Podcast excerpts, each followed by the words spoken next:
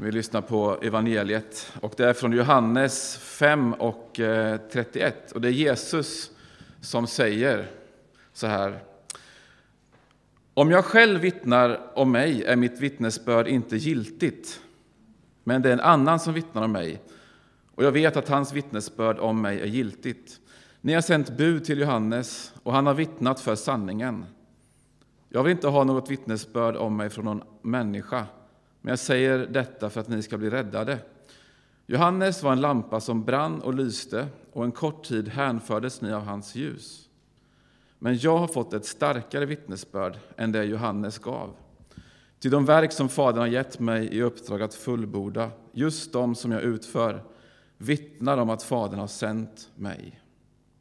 Amen. Så ber vi dig, Gud, att du ska ge oss någonting in i våra liv som människor, som lärjungar. Herre, gör oss lyhörda för den tonen som kommer ifrån dig den här söndagen. Amen. Idag så är temat jag ska prata om livets källa. Det är ju temat för den här eh, andra söndagen efter trettondagen som vi befinner oss på nu. Och jag vill säga något om eh, beroendet av Gud och också någonting om vår tid som är så individualistiskt präglad att det blir en utmaning för oss, för dig och mig, att vara kristna. Och så vill jag fundera lite på hur förhåller sig Jesus i detta. Vi får se lite var vi landar. Eh, när vi flyttade till ett annat hus för några år sedan så spenderade vi mycket tid på Hemnet. Eh, det är kanske några som känner till den appen eller sajten. Eh, det blir nästan en period där så var vi nästan mer på Hemnet än vi var med varandra, jag och min fru. Att, alltså, Hemnet kan vara väldigt beroendeframkallande. Är det någon som har varit med om det kanske? Eh, och ibland när man, när man eh, tittar på ett hus på Hemnet där så kan det vara ett hus som har en egen vattenbrunn, ni vet Eh, som inte är kopplade till det kommunala vattensystemet. Eh, såna, eh, om man köper ett sådant hus så är man ju alltså beroende av det vatten som man själv kan få upp. Och jag tror att vissa drar sig för att köpa sådana hus, medan andra tycker att det är helt okej. Okay. En bra grej. Men jag tänker att det här kan vara en ganska bra bild av hur det kan, eh, alltså ett sätt att tänka som finns i vår tid, där vi både medvetet och omedvetet formas till att bygga våra egna liv kring den egna brunnen. Varför skulle jag behöva koppla upp mig på det stora vattennätet? Varför skulle jag behöva en extern Gud? Alltså det här, vårt djupa oberoende, det ligger i den mänskliga naturen. Vi vill vara, vi är autonoma, oberoende. Och visst kan man säga då att alltså sekulariseringen, den har gått långt i vårt samhälle. Och visst kan man se det att människor hittar, eh, i vår tid hittar mindre skäl till att koppla upp sig på det här andliga vattennätet. Man säger, ja men jag har min egen brunn. Den är bra. Och jag har ju mitt eget oberoende.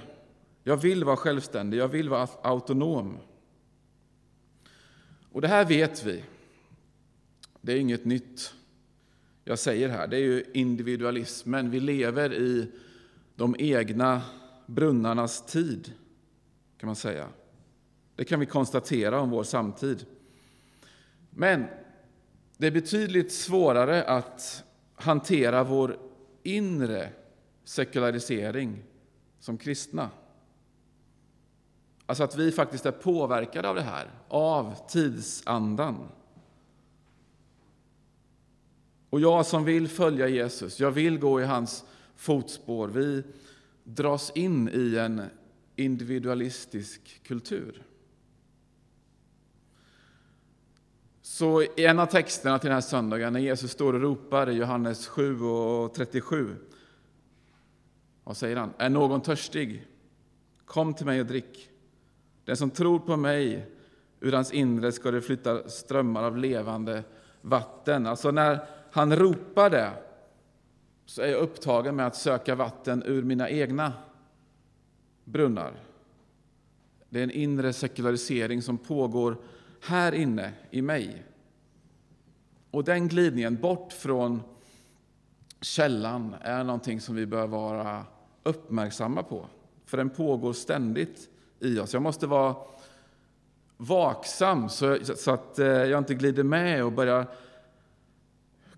koppla ur mig, bort mig från det här andliga vattennätet. För det är så lätt. Därför att vår sekulära kultur är råstark. Den har ett starkt inflytande och är liksom lurig. Och två varningstecken som jag själv kan se i mitt liv, har kunnat se, ja, men det är när jag börjar tycka att jag inte behöver, längre behöver Gud på en daglig basis. När jag börjar tänka att ja, men det är nog ändå mig själv allting hänger på. Det här fixar jag själv. När det växer på mig, och det här är liksom ett vittnesbörd om ni undrar vad jag håller på med. När det växer på mig ett slags oberoende.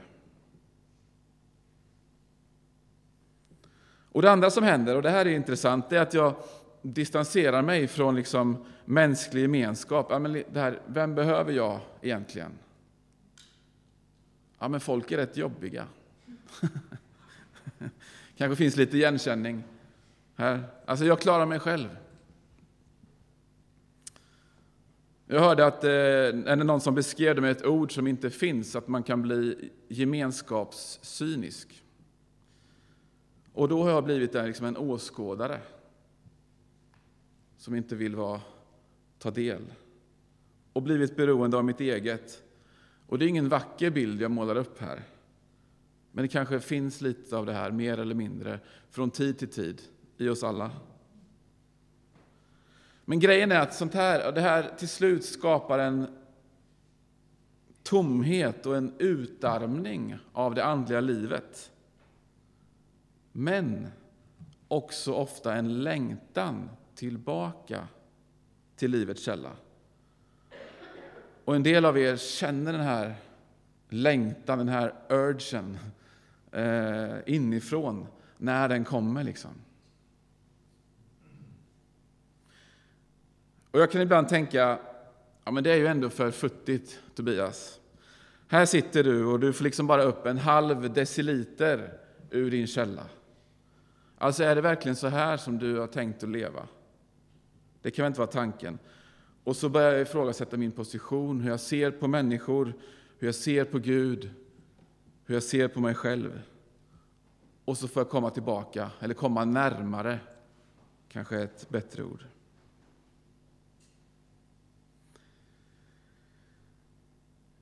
Ibland när jag går promenad ensam eller kanske åker buss, jag åker buss till Borås ibland, så kan jag lyssna på musik. Oftast kanske jag lyssnar på en fotbollspodd i mina lurar, men ibland kan jag lyssna lite på till exempel Johnny Cash. Jag tycker, ja, jag tycker om sån här lite äldre musik. Det kanske man gör när man blir äldre. Eh, men det finns några plattor som han gjorde i slutet av sin tid eller sitt liv som inte låter så mycket country, utan de heter American Recordings. Eh, väldigt bra. Hans musik fick lite andra färger och ton, lite annat tonspråk. Och i en intervju i slutet av sitt liv så förklarade han, Johnny Cash, eh, eller han fick väl frågan varför han inte var med i en kyrka, i en församling. Och även om det här sades för ganska länge sedan så är det ganska, eller förvånansvärt aktuellt. Han säger så här då. Ja, men vi är inte längre med i någon församling. Vi har bara besökt kyrkor när de är tomma. Vi går dit och sitter tysta en stund och ber och mediterar. Det är den typen av kyrka vi behöver just nu. Vi är inga joiners. Vi går inte med i klubbar och organisationer. Och ibland känner jag mig väldigt obekväm med den etablerade, organiserade religionen. Både June och jag är fria själar i vår tillbedjan. Ja, men kanske har du känt dig som Johnny Cash och hans fru June Carter ibland. Och det har jag kanske också gjort periodvis. Men så får man höra den här rösten säga, är någon törstig så kom till mig och drick. Och så börjar den här dragningen tillbaka till livets källa igen. Och människor får en mer central plats i mitt liv. Jag tyckte att det faktiskt känns både bra och eh, viktigt och naturligt att vara mer beroende av Gud. Men det här som sker, det här jag pratar om, den här inre sekulariseringen som vi brottas med, det är liksom en välkänd kristen erfarenhet. Det är det kristna livets ebb och flod, kan man säga. Vattnet sjunker undan och kommer tillbaka. Från mig själv till Gud, från mig själv till Gud. Känner du igen det mönstret? Men ta det lugnt. Du är inte ensam om den upplevelsen. För jag tänker så här. Du är först människa, sen lärjunge. Människa med allt det brustna som, som finns i dig och mig. Det är viktigt att påminna sig om det. Men det som händer med oss när vi distanserar oss från Gud och det djupa beroendet av andra människor, vad är det? Jo, men det är att vi blir historielösa, skulle man kunna kalla det. Alltså att vi förlorar vårt sammanhang och våra rötter. Därför är individualismen så, så farlig för oss. Alltså Jesus, har du tänkt på det? Att han talar aldrig i termer om sig själv att vara autonom, alltså att vara oberoende. För det är inte hans, den är inte hans identitet överhuvudtaget. Det är inte hans kallelse. Det är solklart när man läser Nya testamentet, att han, att han hänvisar alltid bortom sig själv till ett större sammanhang. Och Jesus han fanns inte, han uppstod inte i ett vakuum.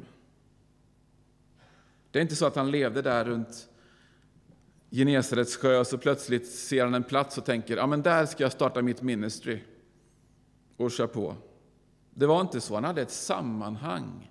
Han hängde ihop med någonting större. Och han säger så här som vi läste i texten i början.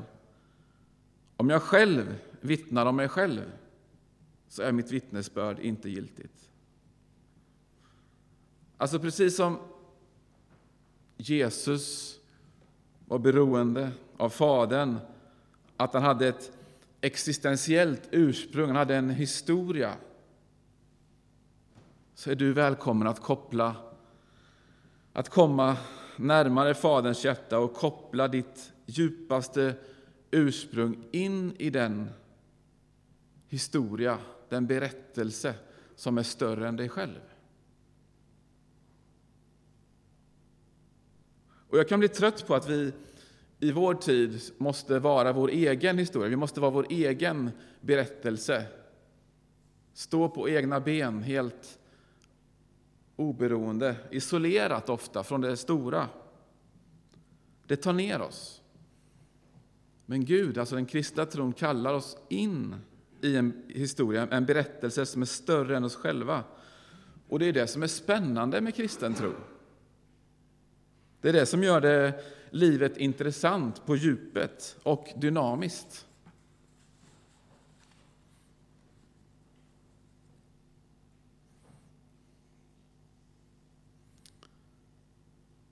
Det är inte jag och mina små staket runt mig själv.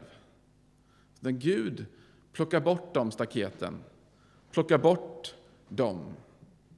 Och vi får liksom, det öppnar sig för oss. Into the great wide open, så sjunger väl Tom Petty. And the Heartbreakers, ja, just det. Det är en LP-skiva som jag köpte för 30 år sedan. Kom jag på nu. Eh, och det är väl kanske inte så det han menar här, men den eh, strofen kom upp. Ja, men så är det. Jesus säger, Johannes döparen, han var en lampa som brann och lyste. Men jag har fått ett starkare vittnesbörd. Det verk som Fadern har gett mig att fullborda, just det jag utför, vittnar om att Fadern har sänt mig. Ser ni kopplingen att Jesus ser sig inte som oberoende, han ser sig inte som autonom. Det var viktigt för honom att allt han gjorde var kopplat till Fadern. Jag gör bara det som jag ser Fadern göra. Och sådana där meningar kan vi läsa i Nya testamentet. Så hela Jesus sätt att vara beroende kan bli en inspiration för oss den här söndagen, tänker jag. Och vi får också vara med i en verklighet som är större än vår egen. En verklighet som har kapacitet att utmana hela det här individualistiska projektet. En andlig verklighet som vill hjälpa oss att hitta hem, som vill rota oss djupt i ett sammanhang för att vi ska bli hela människor tillsammans istället för splittrade människor ensamma. Där har vi evangeliet. Det är den verklighet som du och jag kallas in i. Och allt börjar med det här gensvaret när Jesus säger, är någon törstig? Kom till mig och drick. Den som tror på mig, ur hans inre ska flyta strömmar av levande vatten. Så hur din erfarenhet än ser ut, om du lever i ebb just nu, eller i flod, eller om det växlar däremellan, om du sitter på läktaren och inte är nere på planen, hur din situation än är, så är du välkommen till livets källa, till honom som älskar dig så och på djupet bara vill dig väl. Amen. Tack Gud att du är här. Tack att du vill möta oss. Tack att vi får komma till dig som är livets källa. Och det är, bara, det är inte bara ord som står där eller som vi sjunger eller eh, uttalar, utan vi får, det får slå, slå rot i våra liv. Och jag ber att det får göra det. Och att du får vara en källa för våra liv, att vi får vara beroende av dig, Herre. Återvända till dig, för du finns alltid där. Jesus, du ser oss var och en. Hur vi känner, hur vi mår, hur vi har det, vad vi är i vår tro just nu, Gud. Möt oss där. Möt oss där. Ta oss i handen, Herre. Led oss vidare, led oss tillbaka till dig, Gud. Jag ber om det. Tack att du är med den här gudstjänsten nu, Herre. Låt oss få öppna oss inför dig, din helige Andes kraft i våra liv, Herre. Det ber jag om. Tack att du vill välsigna den här stunden. I Jesu namn. Amen. Amen.